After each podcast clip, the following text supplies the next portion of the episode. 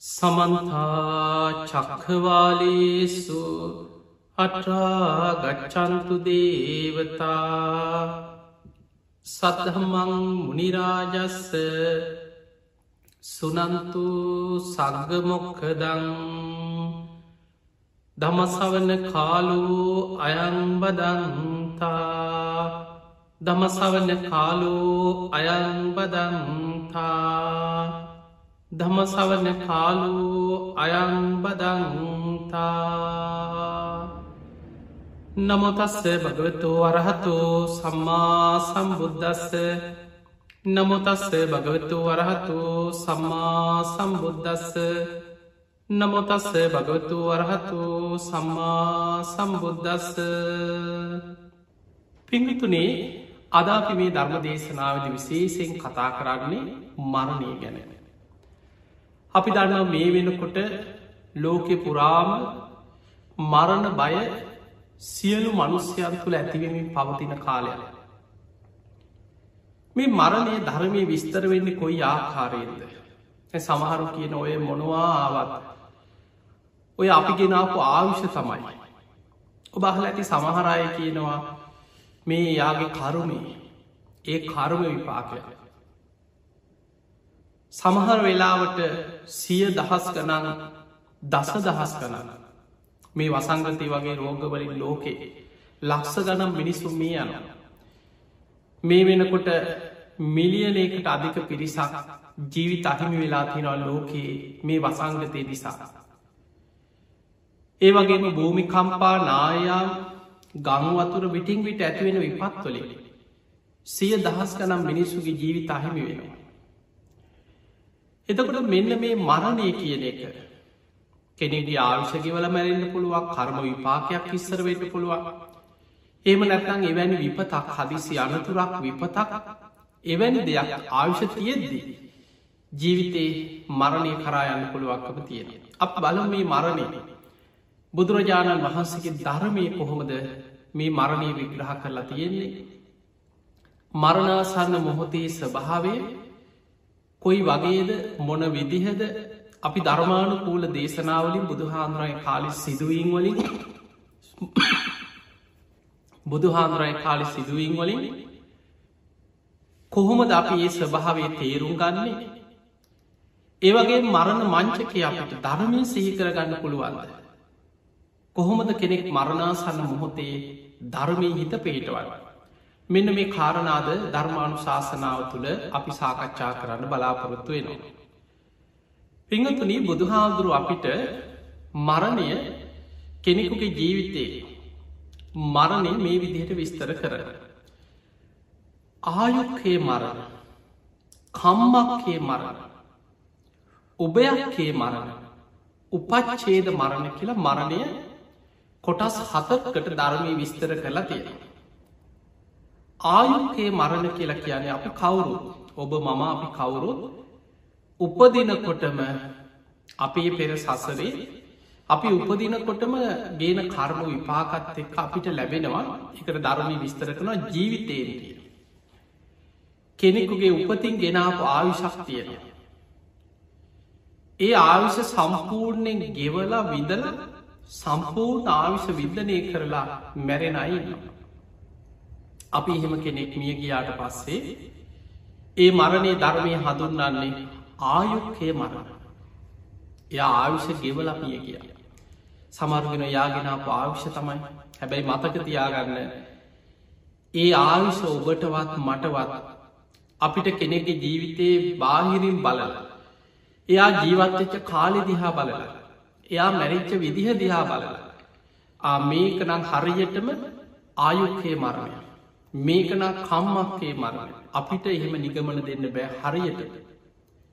දැම් බලන්න කොංචි රාහුල හාමුදුරු සසරි මහා පින් ඇති කෙනෙ කල්ප ලක්ෂයක් පාරමින් පුරනවා.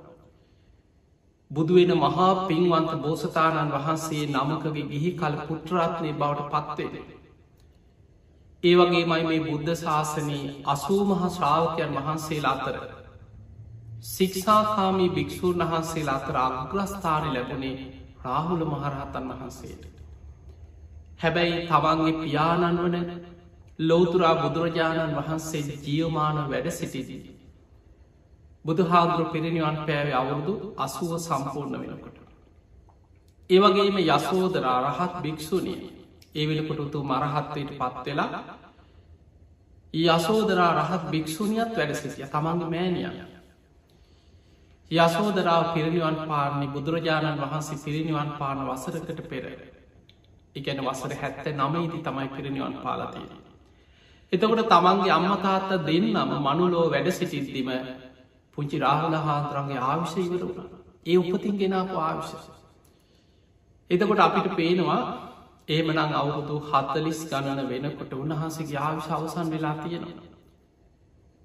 ඒ නිසා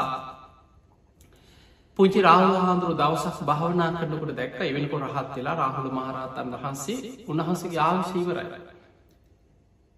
උන්වහන්සේ කල්පනා කරා මගේ පියාණන් වෙච්ච ලෝතුරා බුදුරජාණන් වහන්සේ මනුලෝ තාම වැඩඉන්නවා.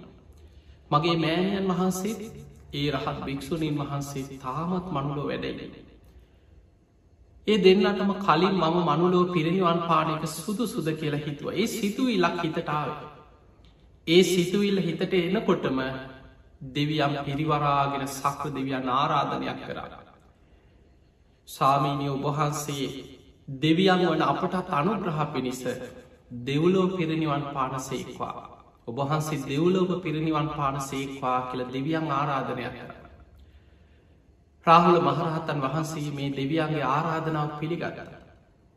බුදුරජාණන් වහන්සේ මුණ ගැහෙන් නැවිල්ල වන්දනා කරලා බුදු හාදුරගෙන් ඉල්ලීමක් කරා ස්වාමීණී භාක්‍යතුන් වහන්ස මගේ ආවිෂ ගෙවිල් අවසානයි. මට පිරිනිවන් පාන අවසර දෙන සේක්වා. බුදුරජාණන් වහන්සේ බුදු ඇසින් බැලවා. රාහුල මහරහත්තන් වහන්සේ පුචි රාහුල හාමුදුරන්ගේ ආවිෂ ගෙවිල් අවසානයි. බුදුරජාණන් වහන්සේ අහනව රාහුල ඔබ කොහෙද පිරිනිවන් පාන්න හිතන්න. ස්වාමිනී භාකතුන් වහන්ස බොහෝ දෙවිවරු. මට ආරාධනා කරනවත් දෙව්ිය ලෝක පිරිනිවන් පාන දෙව්ලෝ පිරිනිවන් පාන. එනිසාමන් දෙවියන්ගේ ආරාධනාව පිළිගෙන මන් දෙව්ලෝ පිරිනිවන් පාන. බුදුරජාණන් වහන්සේ සාධ කාරදොද. සාධු සාධු සාධු රාහුල. ඔබ දෙවියන්ටත් අනුග්‍රහ පිණිස දෙව්ලෝම පිරිනිවන් පාන. බුදුරජාණන් වහන්සකින් අවසර අරගෙන බුදු සිරිපතුලි නලල තියාගෙන බුදුගුණ සිහි කළ වන්දනා කරා බුදුරජාණන් වහන්සේට වැඳගෙන කුටියෙන් එලියට ඇවෙල්ලා බුදු හාමුදුරුවගේ ගන්ධ කුටිය වටා තුන් වතාවක් බුදුගුණ සිහි කර කර ප්‍රදක්ෂිනා කරමින් වන්දනා කරා. එහෙම වන්දනා කරලා අහසට පැනනැකලා ඒවගේම මෑණියන්ගෙන තවසර අරගෙන අහසිම්ම වැඩම කරා දිවිය ලෝකට වැඩම කළ දෙව්ලෝ තමයි පුචි රාහුල මහරහත්තන් වහන්සේ පිරිනිවන් පෑව. එතකොට අපිට පේනවා කෙනෙකුගේ ආවිෂ සමහර වෙලාවට උපතින්ගේ ආවිශ අවුරුදු විසිගාලින් ඉවර වෙන්නත් පුළුවන්. කෙනෙක් උපතින්ම ගෙනත් තියෙන ආවිශ අවුරුදු තිහක් වෙන්න පුළුව හතලිහක් වෙන්න පුළුවන්. කෙනෙක් උපතින්ම ගෙනා පාවි සවුරුදු හැටක් හැත්තෑවක් වෙන්න පුළුවන්. සමහර කෙනෙක් කවුරුදු අනුව සීය ඉන්න ඉන්නවා. එදකොට අපිට බාහිරින් බලලා එයා ගෙනාපු ආවිෂ තමයි කියලා අපිට හරියටම කියන්න පුළුවන්කමක් නෑ. ඊළඟ පිංහතුනී බුදුරජාණන් වහන්සේ විස්තර කරනවා කම්මක්කය මරණ ආවිෂ තියෙද්දි කර්ම විපාකයක් ඉස්සර වෙන්න පුළුවන්. එකන යාට ජීවත්වෙන්න තව ආවිෂ තියෙනවා. හැබැයි පෙර සසරේ කරපු කර්ම විපාක මතු වෙනවා. මාරක හැටියට මත වෙන කර්ම විපාක එවැනි විපාකයක් මත මරණය සිද්ධ වෙන. එවැනි මරණයක් සිද්ධ වුණ. ඒකට ධර්මය බුදුහාන්දුර විස්තර කරන්නේ කම්මක්කය. එයාට ජීවත්වෙන ආවිෂ තියෙද්දී කර්ම විපාකයක් ඉස්සර වුණා කිය. පිංහතුනිය ඔබහල ඇති ආයු වඩ්ඩන කුමාරයයි. අවුරුදු එකසිය විස්සක්ම ජීවත් වුණ. අපේ බුදු හාදුරන්ගේ අභිවාදන සීලිස්ස කියල අදාපි කියන ගාථාව දම පදේ සඳහන් වෙන මේ ගාථාව. මේ ගාථාවෙන් බණහලා උතුන් සෝවාන් පලට පත් වුණ ආයු වඩන කුමාරය. ඇබැයි පිංහතුනේ පුංචි වයසෙම මාරකයක්කාව දින හතකින් මේ යන විදිහට. ඔබහල ඇතිව කතාව. පුංචි වයසෙම අවසානයේ ඒ දෙමව්පියන් ඉරදිමත් තාපසයන්ගේ මේක දැනගත්ත මේ දරුවට ආවිශනය කිය. හැබැයි තාපසයක් කියා හිටියා මට වෙන දේ පේනවා නමුත් මට එක වලක් පණ්ඩ බැබ. අන්න අර ඈතින් යනකොට අසවල් ප්‍රදේශයේ තියෙනවා සැවැත් නුවර කියලා නගරයක්. ලෝතරා බුදු කෙනෙක් පහළ වෙලා ඒ භූමියයේ ජේතවන නම් වූ මහා පිම්බිමක වැඩයින. උන්වහන්සේ මහා බල සම්පන්න කෙනෙ. උන්වහන්සේ මේ දරුවගේ ජීවිතේ බේරගන්න උපක්‍රමයක් කියයි. එතන් ටරගෙන යන්න කියල මඟ පෙන්නේ. අර දෙමවපිය අඩාඩා පුංචි දරුව උත්සගෙනාව. අනේ ස්වාමිනි අපේ දරුව බේරල දෙන්න. අනේ ස්වාමිනි අපිට ඉන්න මෙච්චරයි කියලමේ බුදු හාන්දුර ඉදිරී වන්දනා කරලා දෙමවප විල්ලී මක් කර. බුදුරජාණන් වහන්සේත් ඒ කාරණය ඒ විදිහටම දකිට. පෙර සසරේ කරපු අකුසල විපාකයක් මත දින හතකි මේ දරුවගේ මරණය සිද්ධ වෙනවා. අමනුස්සෙක් විසින් අවිරුද්ධ කියල අමනුස්සේ ඒ දරුවාව ගොදුරු කරගන්න කැරති කැරකින එක කර්ම විපාකය.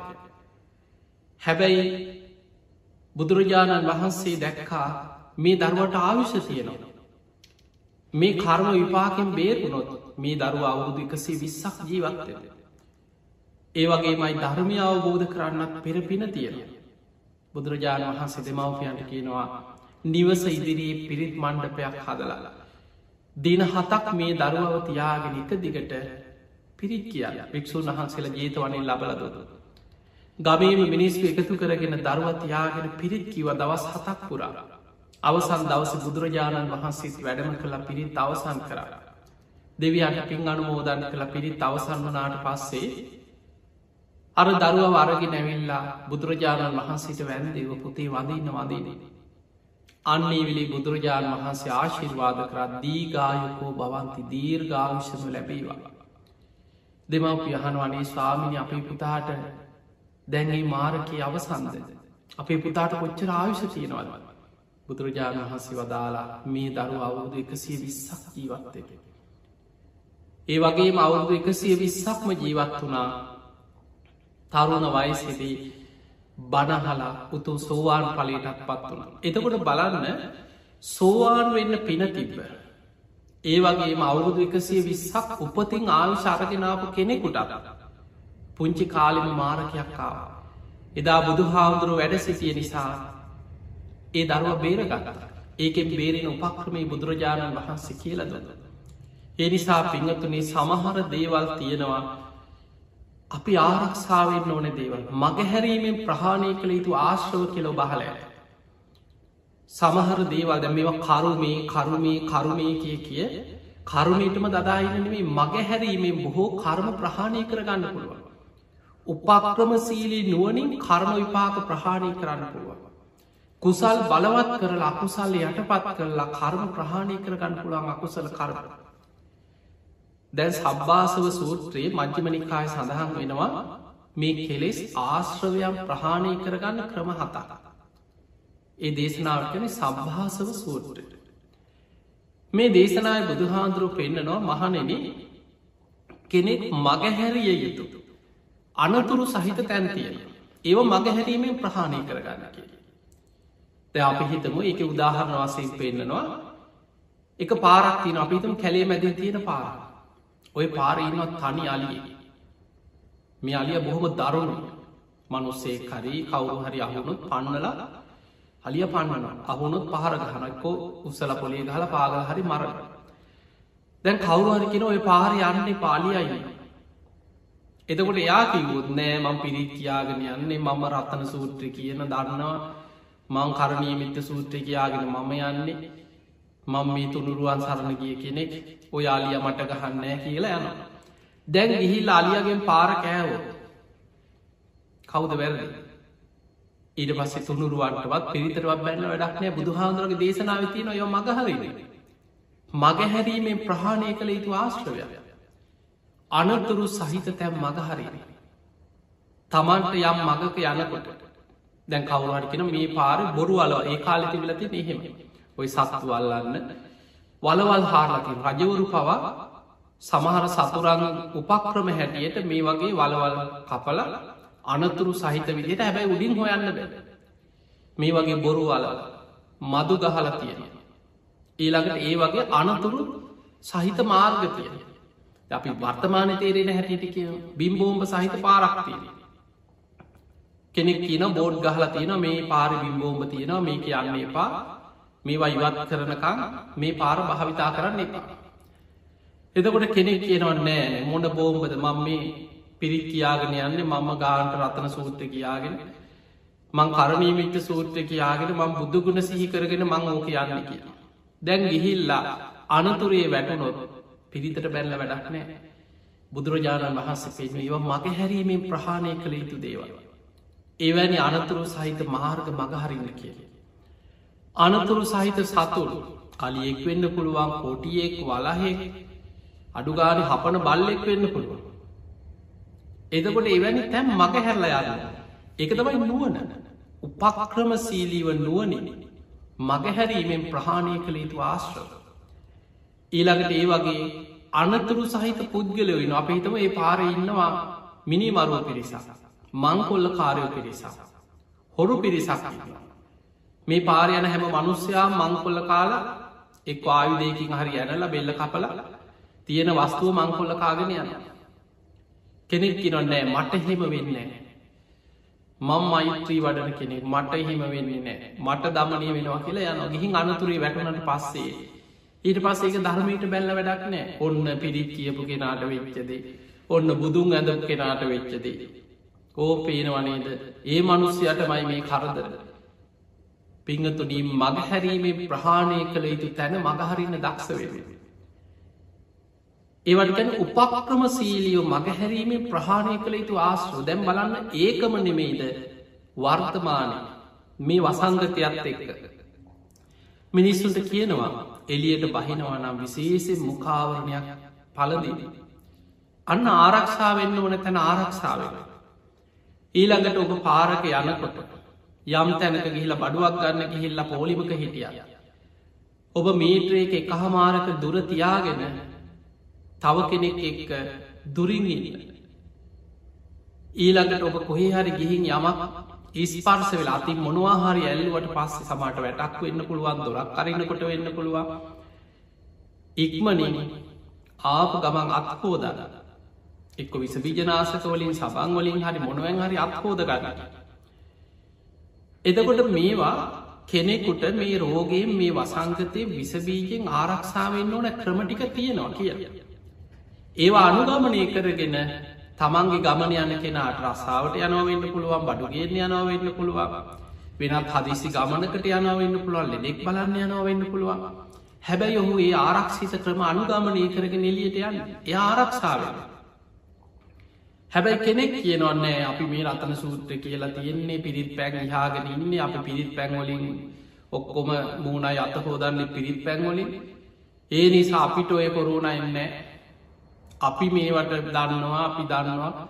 ඔහොම කියාගෙන ගිහිල්ලා අවසානයේ තමන්ට ලෙඩේ හැදුනට පස්සේ බුදු හාන්දුර ඇතිකාරයනෙමේ ධර්මයට බැල්ල වැඩක්නෑ තමන් ආරක්ෂාවිය යුතු තැන තමන් ආරක්ෂා වෙලා නෑ. ඒ නිසා පින්නතුනි බුදුරජාණන් වහන්සගේ ධර්මය පැහැදිලියොති නම් මගහැරීමේ ප්‍රහාණය කළ යුතු ආශ්‍ර අනතුරු සහිත තැම් මගහරේ. ඒ නිසාන වර්තමාන කියන්න ඔහි ඇවිදින් එපා ගමන් බිමන් යන්න එපා. අත්‍යවශ්‍යම දේකට පමණක් එලියට යන්න. හැබැයි යන හැම වෙලාම ඔබේ ආරක්ෂා ඔබ පුළුවන්තරන් සියෙන් ඔබේ ආරක්ෂාව වෙනුවෙන් ඔබ කටයුතු කරලා අනවශ්‍ය ගමන් බිමම් විනෝද ගමන් නෑ දෑ ගමන. ඒ වගේ දේවල් අඩු කරලා ටික කාලයක් ඔබ ආරක්ෂා වෙලායින් අන්න මගහැරීමෙන් ප්‍රහාණය කළ යුතු ආශ්‍රව එනිසා පිංහතුනී ඒ වගේ අපිට සමහර අනතුරු බුද්ධියෙන් නුවනින් සලකලා ඒව මගහැරීමෙන් ප්‍රහණය කරගන්න පුළුවන්කම තියෙන. ඒවගේම බුදු හාදුරු පෙන්වා ආවිෂ තියන කෙනෙක් දීර්ඝාවිෂ තියෙන කෙනෙක් වෙන්න පුළුවන්. අවුරුදු අනුවක් සීයක් ජීවත්වෙන්න උපතින් ආවිෂ තියෙන කෙනෙ හැබැයි පෙර සසරි කරපු කර්ම විපාකය ඒ කර්ම විපාක එනකොට තමයි හිතත් එෙන නෑ යන්න ඕන කියල හිතෙන. අනතුර දැක දැක නෑ ප්‍රශ්නයක් නෑ මමන යන්න මට වෙන්නෑ කියල හිත. ඒ අර කර්ම විපාක හැබැයි ඒ වෙලාවට නුවන පාවිච්චි කරනවා.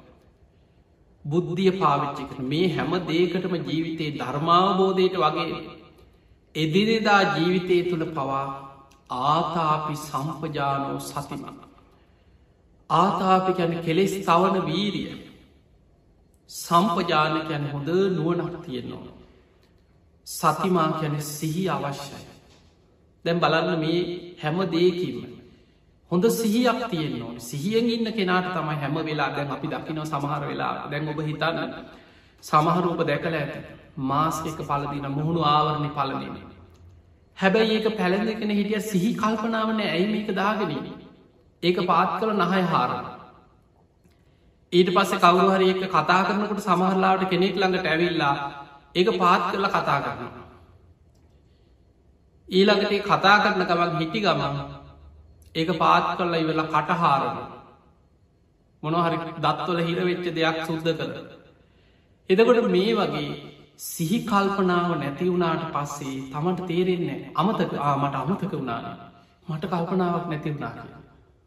අන්නේ නිසා හැම වෙලාවෙම සිහිය පවත්වන්නට ඕර සිහියගෙන. ඒවගේම සම්පජාන සම්පජාන කන හොඳ නුවනක් තියෙන්නවා. ඒ නුවන තියෙන කෙනා තමයි මේක යහපත්ද අයහපත්ද. මේක කුසල්ද අකුසල්ද. මේ දේ හොඳයිද නරකයි. මේක මට යහපතක් වෙනොද අයහපතක් වෙනවා. මේක ධර්මයට එකඟද නැනැද. ඒ හැම දෙයක්ම හැම වෙලාම ධර්මානුකූලව නුවනින් බුද්ධියෙන් ප්‍රඥාවෙන් විමසල. බැලීමේ නුවන ඒකට කෙනවා සම්පජානය සම්පජාන. ඉළඟට ආතාපි යන කෙලෙස් සවන වීරයක් තියෙන වීරයක් තියෙන. වීරිය තියෙන කෙනා කොහොම හරි මං මගේ ජීවිතය ආරක්ෂා කරගන්න. මං මේ නරක පුරුදු අතහරින. මං මේ වැරදි දේවල් අතහරින. මං කොහොම හරිම ආරක්ෂිත දේවල් අනුගමනය කර වීරිය තියෙන්නවා. එතකොට වීරිය සිහිය නුවන මේක යොදාගත්ත කෙනා ජීවිතයේ ලෞකික ජීවිතය තමන් ජයගන්නවා ඒ කරුණුම ධර්මාවබෝධයට යොදාගත්ත කෙනා ලෝකෝත්තර මාර්ගය තුළත් ධර්මාවබෝධී පිණිස ජීවිතය දියුණු කරගන්න. ඊරඟ පිංහතුනී බුදුරජාණන් වහන්සේ පෙන්නනවා මේ ලෝකෙ මිය යන අය අත්තර සමහරු දැන් අපි කතා කරා උපතින් ගෙනාපු ආවිශ අවසන් කළ මැරෙන. සමහරුන්ට ආවිශ තියෙද්දී කර්ම විපාකයක් ඉස්සර වෙන කම්මක්වේ. තව කොට සක්කින්නවා ආවිෂ ඉවර වෙන කොටම කර්ම විපාකයක් එකට බැඳෙන. ඒ දෙක එකට වේ. කෙනෙගේ ආවිෂ ඉවර වෙන කොටම කර්ම විපාකයක් ගැලපිලාය. උබ යක්තිය කියන. ඒ කරුණු දෙකම එකට එකතුවීමේ මරණී සිද්ධය. උබ යක්තිය. ඊළඟට ඔය එකක්කත් නැතු මැරෙනක් පුළුව. ජීවත්වෙන්න ආවිෂ ඉවර වෙලත් නෙමේ කරම විපාකයක් මතු වනත් නෙමේ ඒ කරුණු දෙකම එකවර මතු වනත් නෙමේ ඒවට කෙනව උපච්චේද මරණ. පිංහතුනි උපච්චේද මරණ කියල ධර්මය පෙන්න්නන්න විස භාවික විපාප සිය දහස් ගන භූමි කම්පා ඇවිල්ලා සිය දහස් ගන මිනිස්සු මැරෙන ගොඩ නැගලි පිටිං සෙනග සිය දහස් ගණන් ගොඩ නැගලිවලට යට වෙලා මිනිස්සු මැරෙන ගිනි කඳපු පුරලා ගම්මාන පිටින් යට වෙලා සිය දහස් ගනම් මිනිස්සු මියගේ ඉතිහාසය අපිට සිදුවීන් අහන්න පුළුවන්. ඒවගේ මුහුදු ගොඩ ගල් අපි දන්නවා කවුරු සුනාමි අත්දැකි. ඔබට මතක ඇති ඔබ බේ පුංචි කාලය හරි ඔබට මතක ඇත. දස දහස් සංඛ්‍යාත පිරිසක් සුළු මොහොතකද මිය කිය. ඒ හැමෝගෙම මේ ආවිශාවසන්න වනාවත් ඒ හැමෝටම කර්ම විපාකයක් එක පාරමේ ලක්ෂ ගානම් මිනිස්සුන්ටාවවත් හෙම දෙයක්න මේ ඒවට කෙන උපච්චේද ස්වභාවික විපත් මේ වසංගතරෝ ගත්තේ වගේ. ලෝකයේ පුරා විටෙන් විට වසංගත මහා දරුණු විපත් නායාම් ගිනිකඳු පිපිරීම් බුදුහාදුර එක පෙන්න්නනවා මහනෙන බාහිර පටවි දහතු කිපෙනවා. පටවිගට මහ පොළො භූමිකම්පා ඇති වෙනවා නායාම් ඇති වෙනවා පොළොව සෙලවීම ඇති වෙනවා. මහනෙන බාහිර ආපෝ ධාතුව කිපෙනවා බාහිර ආපෝකැන ජලය ජල ගැලී ගං අතුර විපත් ඇති වෙනවා මුහුදුගොඩ ගලනවා. ඒ ජලය කිපීම නිසා ගංවතුර විපත් මහා වරුසා මුහුදුගොඩ ගැලීම් මේවා බාහිර ආපෝ දහතුව කිපීමෙන් ඇතිවන විපා. මහනෙනි බාහිර තේජෝධාතු නිසා සිය දහස් ගනම් මිනිස්සුමී යනවා කිය. තේජෝ ගැන උණුසුම පරිසර උස්්නත්ති වැඩි වෙලා උණුසුමට මිනිස්සු මැරෙන. ඊළඟට ගිනිකාඳ පුපුරනට. උෂ්නත්ව වැඩි ලැව්ගිනි ඇතිවෙන මේ වගේ හේතු නිසා සිය දහස් කනම් මිනිස්සු ගින්නෙන් මැරෙන. ඊළඟට බාහිර වායෝ දහතුව. සුළඟ සුලිසුලාං කුණාටු මේ වගේ විපත්වලින් සිය දහස් කනම් මිනිස්සු මැරෙන. එනිසා මතක තියාගන්න අපිට මැරෙන්න්න පොච්චරනං හේතු තියෙනවා.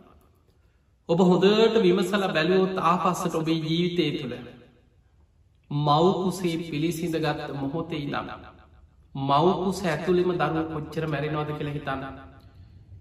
මේ ලෝකේ අවුරුද්ධකට ගත්තු ලක්ෂ ගානක් දරුව මවකුසවල් ඇතුළ මියන්න.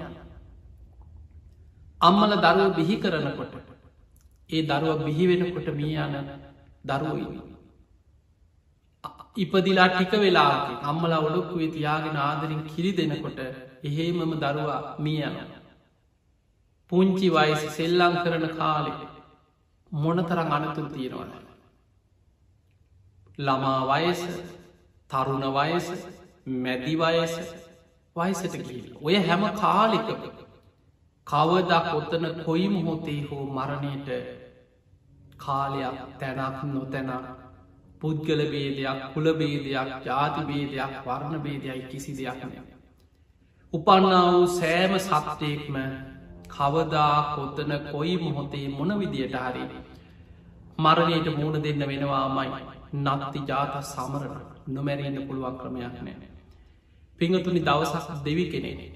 බුදුරජාණන් වහන්සේ ජීතවන ආරාම වැඩඉන්නකොට මුළු මහත් ජේත වඩේ මාලෝකමත් කරගෙනාපු දේවතාවේ බුදුරජාණන් වහන්සේට වන්දනා කළ එකත් පසකින් වැඳගෙන කියනවා අපමිදම් භික්කවේ මනුස්සානනාය මේ මනුස්සයන්ට තියෙන ඉතාම ස්වල් පාවිශය. ගමනීයෝ සම්පරාය ඒ කාන්තෙන් පරලවයා යුතුමයි. ගැන මැරෙන්න්න වෙනවා මයි නත්ති ජාත සමරණ උපන්නාව කිසිම සත්වයකුට නොමැරීන්න පුළුවන්නන් ක්‍රමයක් නෑ. ඒනම් අපිට පේනවා මේ හැම කෙනෙක්ම ඒ කාතෙම මිය යනවා මයි ඊළඟට දවසක් බුදුහාමුදුර ඉදිරී තවත් දෙවි කෙනෙ පෙනීදල කියනවා සාමීනී භාකතුන් වහන්ස කාලේ වේගෙන් ගෙවිල අච්චෙන්ති කාලා කාලේ වේගෙන් ගෙවිලෑන තරයන්ති රක්තියෝ දවල් රෑ දෙක වේගෙන් ඉක්මිලා යන වයෝකුණං අනුපුබ්බන් ජහති උපන්නාව සත්‍යයා දවසින් දවස වයසට යන ඒ තම් භයම් මරණී පෙක්කමාන. මරණ ඉදිරියේ බය දකින කෙනා පුඤ්ඥානි කයිරාත සුකාවහත ජීවිතයට සැපගෙනත් දෙන පින් කරගන්න මහන්සි ගන්න ඕනෑ කියලා කියන දැම බුදු හාන්දුරු නෙම මේ කිය බුදුරජාණන් වහන්සේ ඉදිරියට ආපු දෙවි කෙනෙක් බුදු හාන්දුරු ඉදිරියේ මේ ගාථාව කිය කාලේ වේගෙන් ගෙවිල යනවා දවල් රෑයික් මිලා යනවා සත්‍යය දවසින් දවස වයිසට යනවා මරණයට ලංවෙනවා මරණ ඉදිරියේ බය දකින කෙනා අප්‍රමාදීව ජීවිතයට සැපගෙනත් දෙන පින් කරගන්න ඕනෑ කියලා කිය. බුදුරජාණන් වහන්ස මේ ගාථාව බොහෝ කොටස් අනුමත කර ලන්තිම පදේ විතරක් වෙනස් කර. බුදුරජාණන් වහන්ස කියනවා දේවතාව ඔබෝයි කියපු කතාව ගාථාව ගොඩක් දේවල් කර. අච්චින්ති කාලා කාලේ වේගෙන් ගෙවිලෑන එක හරි. තරයන් තිරත්යෝ දවල් රෑ දෙකත් ඉක්මිලායන. දවසින් දවස වේගෙන් දවල් රෑ ඉක්මෙනවා. වයෝගුණන් අනුකුම් බජ්ජහන්ති මේ උපන්නා වූ සත්වයක් දවසින් දවස දවසින් දවස වයිසටය මරණයට ළඟ ඒ තම් බයම් මරණය පෙක්කමාන මේ සත්‍යයා මරණ ස්තිරී බයක් ඇති ගැනීමක් ඇති කරගන්නට ඕනේ ඒ මරණීදිරී බයිටකිට කෙනා අන්න දේවතාව අවසාන වචනයට කිව්වේ ජීවිතයට අප්‍රමාදීව සැපගෙනත් දෙන පින් කරගන්න ඕන කියලා බුදුරජාණන් වහන්සේ අන්නේ පදේ වෙනස් කරලා කියනවා. මරණ ඉදිරියේ බය දකින කෙනා ලෝකාමිස්සේ අතහැරලා. මේ සසරින් ගැලවෙන්න මයි මහන්සිගන්න ඕනෑ කියල බුදුරජාණන් වහන්සේ වදාලා. එතකොට බලන්න මරණ ඉදිරියේ බය දකින කෙනාට කරන්න තියෙන එකමදේ මේ ලෝකයා ගැන තියෙන ඇල්ම අතහැරල. සබ්බ ලෝක අනපිරත සංඥාව කියල ධර්මය උගන්නන්න මේ සියලු ලෝකයන්ගෙන් නොවැලෙන විදිහට හිත වඩන ආකාරය. මේ සියලු ලෝකයන් ගැන අනිත්‍ය සිහි කරමින් ආදීනෝ මෙනෙහි කරමින් සබ්බලෝක අනවිරත සංඥා වඩන්න කියෙන. පිංගතුනී දිවිය ලෝක ඉපතුනා. ඒ පින ගෙවිල් අවසන් වෙනකොට බොහෝ වෙලාවට දෙවිය නොච්චුත වෙලා පහු සතරාපායට මනුස්සලෝකට වැටෙන. දිවිය චුති කියන සූට්‍ය බුදු හාන්දුරු පෙන්න්නනවා දිවිය ලෝකෙ දෙවියන්ගෙන් චුතවෙන අය අතරින් බොහෝ පිරිසක් සතරාපායෝපදින. ඒ නිසා අපිට සම්පූර්ණ බුද්ධ ශාසනයක් ලැබිච්ච වෙලා අපි රැකුණ ආරක්ෂා වුනම් මම නම් බේරුණා කියල අපිට විශ්වාසයක් ඇතිකරගන්න පුළුවන්න ඒ ධර්මාවබෝධ ලැබීමෙන්මයි. මේ සතරාපහයෙන් විදිලා සදහටම ගැලවෙන මාර්ගයට පැමිණීමෙන්මයි. තියන්නේ නිසා ඒ වෙනුවෙන් ඔබ උත්සාහ කරන්න වීරිය වඩට. පිංහතුනී මරණය කියනෙ අපි දන්නේ නෑ කවදා කොත්තන කොයි මොහොතේ මොන විදිහට අපි කරයිනවා. ඒ මරණය ඉදිරියේ ධර්මය සීකර ගන්නවා කෙනෙක ලේසි දෙයක් නෙමේ. හැබැයි කාලයක් ධර්මී පුරුදු කරපු කෙනෙකුට ඒක පුළුවන්. එනිසායි පිංහතුනි මැරෙන්න්න වැටෙනකං ඉන්න පා කියල අපි නිතර නිතර දේශනාවල බණට කාලයක් තිස්සේ. ස්වාමීන් වහන්සේලා බණට හැමෝම දේශනා කරන්න මේ බුදුහාන්දුරගේ ධර්මය දේශනා කන ස්වාමීන් වහන්සේලා නිතර පෙන්නල දෙන අප්‍රමාදීමෙන්. සියලු බුද්ධ වචනවල ගත්තොත් ධර්මී හරය. අපමාදීන සම්පාතයට බුදුරජාණන් වහන්සේගේ අවසාන බුද්ධ වචනය. මහනෙන අප්‍රමාදීව කුසල් වඩට අප්‍රමාදී වෙන්න කියන වචන. අන්නේ නිසා අප්‍රමාදීව ධර්මය දියුණු කරන්න මහන්සේ ගන්න. පිංහතුනේ අපි දන්නේ නෑ මේ යන විපත් එක්ක කවදක් කොත්තන කොයි මොහොතේ මොන විදියට ජීවිතය අවසන් වේනේ දැන් අපි බලමු මැරෙන්න්න වැටෙනකං ඉන්න අය. ආයක මං ඒ වෙලාවට බලාගන්න මන් දන්නවා මං ගැන. මැරෙන් යන වෙලාවට බංගානට එක් කරගන්න අන්න එහෙම හිතන පිරිසක් ඉන්න ඔබේ නෑයෝ අතර ඇති ඔබ දන්න අය ඇතුරු ඇතිරි ඔබේ අසල් වැසිව ඇති ඔහුන තරං අය ඇති. ඔය කතාව කියන අය ඇති. ආමන් දන්නවා මගේ වැඩි කරගන්න. මංගාන්ට පණ යන වෙලාවට චුති සීතනය ආමං එක ගාන්ට හදාගන්න කිය පිංහතුනි බොහෝ දෙනෙකොට මරණාසන්න වෙනකොට ධර්මය සීකර ගන්නවර්තියා ධර්මයක් පුරුදු කරන්න නැතිව කාලයක් ඉඳල අකුසල් කර කර ඉඳලා වයිසට ගිය බොහෝ දෙනෙකුට අවසාන කාල සිහි කල්පනාවක්කත් නෑ ඒ අයට සිහිය තිබුණත් හිත විපිලිසර වෙනවා. අර පෙර කරපු අකුසල් ජීවිතය කරපු පවකම් ඒවා බොහෝ දෙනෙකුට මරණ මංචකේ චිච්ට පටි වගේ බලවත්තේ මං මේ වගේ වැරදි වැඩ කරා මං මේ වගේ පවකං කරා මං මේ වගේ අකුසල් කරා. හයු මං මේ වගේ වැරදි වැඩ කරා කළේ ඔක්කෝම එකට එක ගලාගෙන ගලාගෙන හිතටෙන මිනිස්ු අන්තාසරණ යකු සල්ලිතිරී පවකං ඉදිරි. අන්නේ නිසා පිංහතුනී ධර්මය දියුණු කරගන්නවා කියන එක අප්‍රමාධී වෙහෙසි යුතු දෙයක්. දැන් ඔබ හිතන්න මෙහෙම. නිකම් මිනිස්සු මැරෙන අවස්ථාගෙන ඔබ එකින් එක හිතල බලන්න. අපි කියනවා මං වැඩේ කරගන්නම් මන් දන්නවා කියලා කිව්වට මේ ධර්මය සිහිකර ගන්න එක ලේසිද කියලා ඔබටම ගලපල බලන්න පුළුවන්. දැන් බලන්න නිකන් සාමාන්‍යයෙන්. ඔබ පත්තරයක් කරම් බැලුවත් එදිනෙදා රටේ මිනිස්සු මේ අන ආකාර දිහා බැලුව ඔබේ ගමේ නගරේ වේවා මැරිච්ච මිනිස්සු දිහා බලන්න කොහොඳ මැරුණ කියල. ඒ කවුරුවත් සැලසුම් කරපු විදිහට මැරුණ නෙමේ දැන් කෙනෙක්ටෙන් ඇහුවොත් ඔයා මැරෙන්න්න කැමති මොන විදිහට කවුරුත් මැරෙන්න්න කැමති නෑ.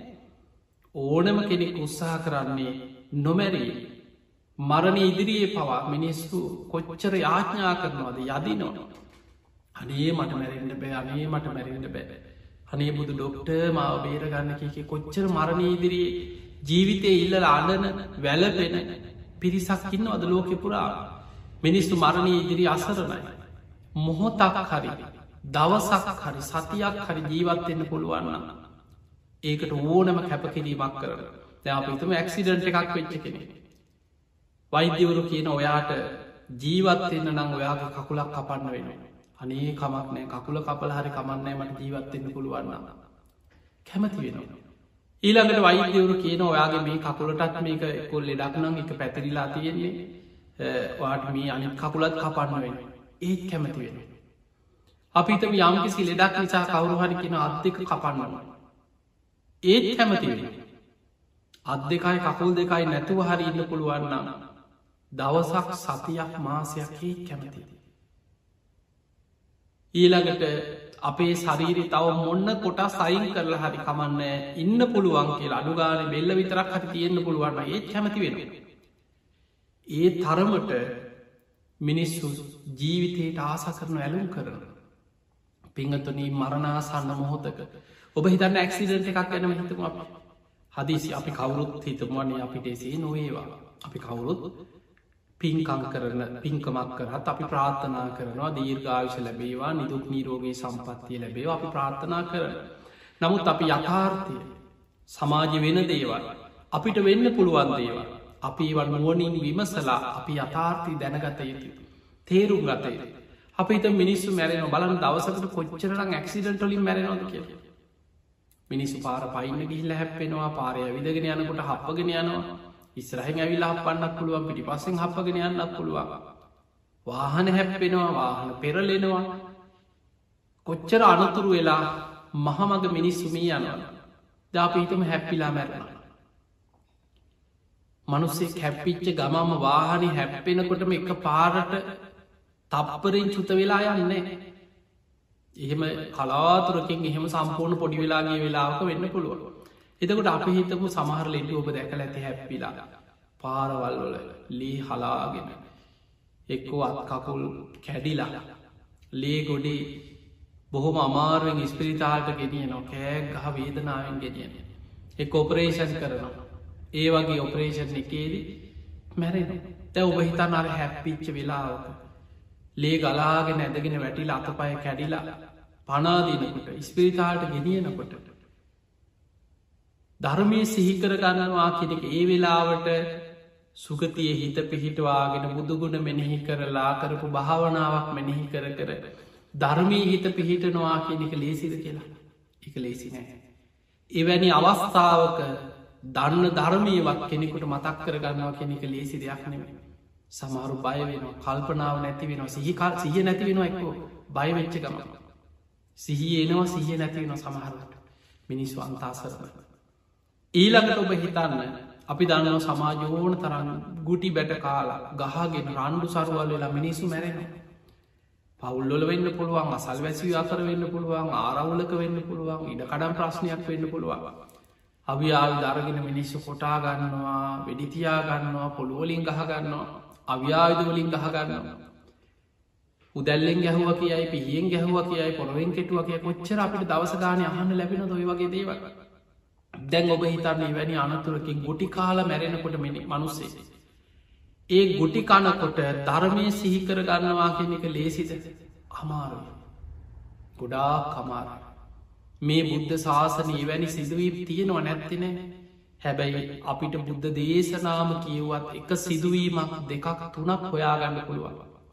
එවැනි මහා විපත් අනතුරු මැද්දෙ. ගුටිකකා හරි වේදනා විදවිද ධර්මී හිත පිහිටවාගත චරිත. දැම් බලන්න බිම්බිසාරච්චුට හිරකොටියක දාලා කන්න නොදී වද දොතුන.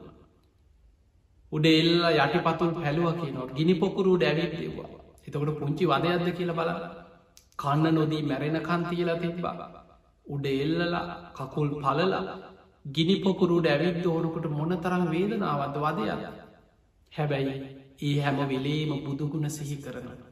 ධර්මය ගුණ සිහි කරනවා සඟගුණ සිහි කරනවා. ඉපදීම දුකයි කියපු ධර්මය කොච්චරනන් සත්‍යයක්ද. ඉපදිච්ච නිසානයද මං මේ දුක්විදිදී. මේ ධර්මය නං ඒ කාන්තයේ ශාක්කාතයි සන්දිිට්ටිකයි අකාලිකයි කළ ධර්මය සිහි කර. ඒ වගේ චරිත අපිට හිතන්නවත් බෑ. අච්චර වදදීල මරණ කොටත් මරණ සතිය වඩනවා අනිත්‍ය මෙනෙහි කරනවා බුදුගුණ සිහි කරනවා සුගති හිත පිහිටවාගෙන නින්දෙන් පිපිදිය වගේ ජනවසප කියලා දෙවි කෙනෙක් කියලා පහල්වනා බිම් විසාරජ්‍යක. සාමාන්‍ය මනුස්සෙකුට හිතාගන්නවත් බෑ. පෘතජ්ජන කෙනෙකුට ඒ වගේ ධර්මයක් සිහිකරනවා කියනෙකේ වැනි අනතුරු සහිත මරණයකද හිතාගන්නවත් බැරිදයක්. ඊළඟට පිංගත්තුනේ අපි දන්න සම් මිනිස්සු ගිනිතියාගෙන මැරෙන. කේන්ති ගිහිල්ල ප්‍රශ්න ඇතිවිලා මිනිස්සු ගිනිතියාගත් අවස්ථාව ඕන තරන්න ඇත. එවැනි අවස්ථාවක ධර්මී දැන් ඔබ දැකල ඇති ගිනි තියාගත්ත කෙන ගිනි නිකන්ගේ ගිනි අරගෙන්නෙවේ තමන්ගේ ශරීරයට ගිනි තියාගත්ත කෙනා වනත් කෑගගහ විලාපදිදී දුවනවා ගිනි ගන්නකොට වේදනාවට මොන තරම් වේදනාවත් ඒවිලේ ධර්මය සීකරනවා කෙනෙ අපිට හිතන්නවත් බෑ මුළු බුද්ධ ශාසනයට මේ වැනි හරිම ආශ්චාරයමත් එක සිදුවීමක් තියෙනවා මාගන්දිය සාමාවතිය ඇතුළු පන්සීයක් කොටු කරලා ගිනි තිබ ගොඩ නැගිල්ලකට දාලා ඒ පන්සිය දෙනාම මෛත්‍රිය වඩමින් මරණ සතිය වඩමින් අනිත්‍ය සිහි කරලා වේදනානු පස්සනා වඩල. ගිනිගන්න ගොඩ නැගිල්ල ඇතුළෙම භාවනා කරලා පන්සීම පිච්චිලා මැරුණ මරණින් බේරුන්න හැබැයි මරණින් මත්තේ සුද්ධවාස මබලෝ ඉපදුන. ඒ මරණ වේදනාවත් ධර්මාවබෝධයට ආශිර්වාදයක් කරගෙන ඒ වේදනාව තුළ වේදනාන පස්සනාව වැඩුව ධර්මය අවබෝධ කරගත්ත. හැබැයි වර්තමානය අපිට සාමාන්‍ය පුතජන ලෝක හිතාගන්නවත් බැයි වැනි සිදුවී. ඊළඟට ඔබ බලන්න සරපයෙක් ගැහුව කියයි. මිනිස්සු වේද එක සරපයගේ දත වදිනකොට පණයනවා නෙමේ. වේදනා විඳල ඇදුන් දීලා බොහොම දුදුකින්දලා මිනිස්සු ඒ වේදනාවත් එක්ක තමයි අර විස සරීර ගත වෙලා මනුස්සෙක් මිය යන්න. ඊළඟට පපු අමාරුවක් කාවත් මොලේ නහරක් පිපිරුවත් එකින් එක හිතාගෙන හිතාගෙනයන් දැම කෝවිඩ්ගැන් බලන්න ඔබ දැකල ඇති මේ වසංගතයක මී අනාය හුස්ම ගන්න බැරුව. හුස්ම ගැනීමේ අපහසුතාවයක් එක්ක සමහරු හුස්ම ගන්න මැසින් නොල්ට හයි කරලා. කොච්චර දඟලනවාද පෙනහල්ු අක්‍රිය වෙලා හුස්ම ගන්න බැරුව ඒම තමයි මිනිස්සු මැරෙන්ට වේදනාවක් එක්ක මනුස්සෙක් මිය යන්න. ඉස්පිරිතාලෙක පණ ගියත් නහයෙන් බටදාලා උගුරෙන් බටදාලා සේලයින් දීලා කොච්චර සමහරු මැරෙන්නේ යනකොට මැරුණ වගේ.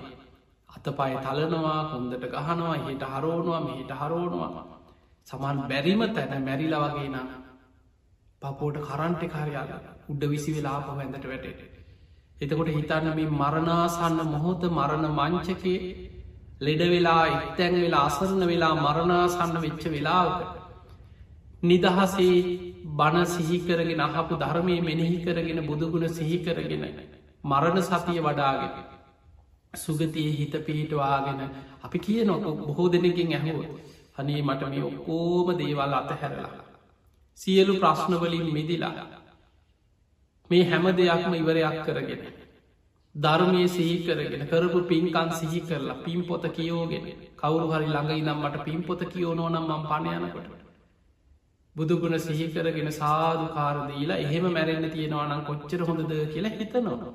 බොහෝ දෙනෙකුට බනාහල බුද්ධ දේශනාවල සිදුවීන් අහලා හොවැනි තොරතුරු බණට ඇහුවට පස්සේ. එවැනි පැතුමක් සිහිනයක් ආසාාවක් මිනිස්සු තුළ සාමාන්‍යෙන් ඇති වෙන. අනි මටත් මෙහෙම වෙන්න තියෙනවාන. මටත් මේ විදිහට ජීවිතය අවසන් කරන්න තියෙනවාන. නින්දෙම් පිබිදිය වගේ මට සුගතියක උපදින්න තියෙනවානවා. පිංහතුනි ඒ පිණිස උත්සාහ කළ යුතුයි. ධර්මාවබෝධය විත්තරක් නෙමේ ධර්මාව සුගතිය යනවා කියනෙකල් ලේසි දෙයක් නෙමේ. අමාරු. අපි කාගේ ජීවිත සතරාපායට නැමිල තියෙන හරියට මහගෙදරට අපි ඇදෙනවා වගේ. බුදු හාදුරන්ගේ උපමාව පෙන්වේ විදියට දැන් ඔබ හිතනොබ බඩු ගන්නයන. කඩේකට ගියත් බඩු ටික ගත්ත ගමන් හැරෙන්නේ ගෙදරට. රස්සාාවට යනවා. ඉවර වෙන්න ළංවෙනකොට සැරෙන් සැරේ වෙලා බලන්න දැම් වැඩෑරේ දැන් ඉවරවෙයි. කීයට ගෙදර යන්න පුළුවන් වෙයි. ඉක්මනට තියෙන බස්සයක හිටගෙන හරි කොහොම හරි ඉක්මනින් ගෙදර එන්න ගෙදරට තමයි හිත තියෙන. නෑදෑ ගෙදර කියනවා දවසක් ඉදි දෙකක් ඉදි නෑදෑය කියන අනේ තව දවස් කීපයක් ඉඳලයන හනි දවස් කීපයක් ඉඳලයන් කොහේ ගියත් ගෙදර වගේ නෑ කියෙන මිනිස්සු කියනවා. එතකොට අපිට පේනවා කෙනෙගේ හිත මහගෙදරට ඒ තරන් ඇදෙනවා.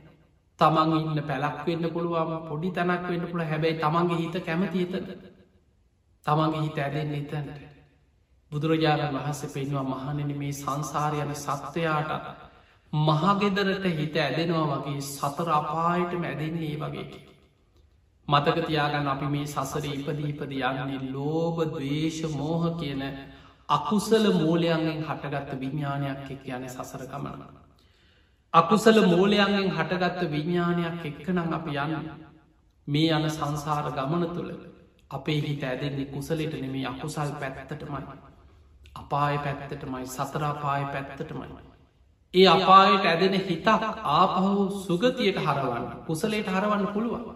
ඒ පිණිස අවශ්‍යයි අප අර කලින් කතා කරපු කරුණු තුන. ආතාපී සම්පජානෝ සතිමා. කෙලෙස් තවන වීරිය නුවන සිහි අවශ්‍යය. අන්නේ ඒ නුවනින් සිහියෙන් වීරියෙන් තමයි අපායට නැඹුරු වෙච්ච මනසක් සුගතිය පැත්තට හරවව අකුසලේට නැඹුරු වෙච්ච හිතක් කුසලේට හරවන්න. එහෙම නම් පිංහතුනේ හැම වෙලාම මරණය ගැන හිතාන. බුදු හාදුරු පෙන්වා මහනෙන මරණය සිහිකරමින් අප්‍රමාදී භාවය ඇතිකර ගැනීම පිණිස මරණය සිහිකිරීම මරණ සතිය තරම් භාවනාවක් බුදු ඇසිංවත් දකින්න ඇකි. ඔබ නිතර ඔබෙන් හිතෙන් අහන්න දැම්මම් මැරුණුත් කොහේයි. මං මෙහෙම ඉඳල හදිසියවත් මං මැරුණ මං කොහේයිද. මට පුළුවන්ද මේ සියල්ල අතහැල්ල සුගතියක හිත පිහිටවාගන්න. මං මොනවගේ ගුණ ධර්මද වඩලතිය මං මේ වෙනකොට කොච්චර පින් කුසල් වඩාගෙන තියෙනවද. මට මේ අතහරින්න පුළුවන් හැම වෙලාම තමන්ගේ ජීවිතය දිහා තමම්ම නුවනින් විමස විමස තමන්ගේ හිතේ ස්භාවි ගැන තමම්ම විමසන්න. අප්‍රමාදීවේ. බුදුරජාණන් වහන්සේගේ අවසාන බුද්ධ වචන උන්වහන්සේ පිරිනිවන් පැව සාරා සංකයේ කල්ප ලක්ෂයක් පාරමී පුරල. මේ ලෝකයේ පහළවෙච්ච පින්වන්තම කෙනා භාග්‍යවන්තම කෙනා අපි කෙනව භගවා. සියලු ගුණ දරාගන්න තරන් ලෝක පහළ වෙච්ච පින්වන්තම භාග්‍යවන්තම කෙනත් පිරිනිවන් පැව. අතීතයේ පහළ වෙච්ච සියලු බුදුවරු පිරිනිවන් පෑව. පසේ බුදුරජාණන් වහන්සේලා පිරිනිවන් පෑව. ලක්ස ගනම් මේ මහපොළොයි වැඩ සිටිය මහරහතන් වහන්සේලා පිරිනිවන් පෑව. කාම ලෝකෙම අධිපති භාවේ දරාගෙන හිටපට. අය චුත වුණා දෙවියන් දිවි ආත්මලින් චුත වෙන. කාමලෝක අධිපති මාරය බවා සදාකාලික තැනක් නෙමෙයි ඒ ආත්මින් චුත වෙලා යන. සමහරු ඒ ආත්මින් චුත වෙලා නිරේට වැටෙන අපායට වැට. මනුස්ස ලෝකේම අධිපතිය හැටියට පහළ වෙන රජවරු ඉන්නවා කලින් කලට සක්විති රජවර මැරිලා යන. ඒ නිසා ධනවත් සිටුවරු ඒවා මොන්න තරං කවුරුන උපන්නා වූ සෑම සත්වයෙක්ම කවදක් කොතන කොයි මොහොතේ හෝ මිය යන. අන්න ඒක සිහි කර අප්‍රමාදීව ධර්මය දියුණු කරගන්න කුසල් වඩාගන්න. එහෙමනං ඔබ හැම දෙනාටම මේ හුස්මටි කියන්න කලින් අපි දන්නේ නෑ කවදක් ඔත්තන මොන විදියට මරණය අපි කරායනවා. මුළු ලෝකයාම මරණ බයකින් තැතිගත්ත මොහොතක. ඒ නිසා මරණයම සිහිකරගෙන අප්‍රමාදීව ධර්මය දියුණු කරගන්න මේ වෙලාව මේ වසංගතය පවාවට ආශිර්වාදයක් කරගන්න ඔබ දක්ෂවෙන. මේක වසංගතයේ කොරෝණ කොරෝණ කොරෝණ කියකින් නැතුව ඒ ආශිර්වාදයක් කරගන්න ඔබ ජීවිතය අප්‍රමාදීව ගුණ ධර්ම පුරාණ. ආපස්සට කාලිකට පස්සේ මේ වසංගතය ඉවර වෙච්ච කාලෙක. මෙ හැමදාම තියෙන දේවල් නෙමේ ඔබට ඔබේ ජීවිත ආපස්සට හැල්ල බලනකොට ඔබටම සතුට වෙන්න පුළුවන් ඇත්තට මට මේ වසංගති ආශිර්වාදයක් වුණ. ඒ කාලෙමං හොඳට සීලාදී ගුණ ධර්ම වැඩ. මං හොඳට භාවනාව දියුණු කරගත්ත මං හොඳට බණ භාවනා කරන්න. මං හොඳට ඒ කාලෙ ගුණ ධර්ම පුරාගත්තා කිය. ඒ නිසා අප්‍රමාදී ඔබ හැම දෙනාටම සද්ධාදී ගුණ ධර්ම දියුණු කරගෙන. උතුම් වූ ධර්මීම අවබෝධ කරගන්නම වාසනාව ලැබේවා කියල අපි ආශිර්වාද කරනවා.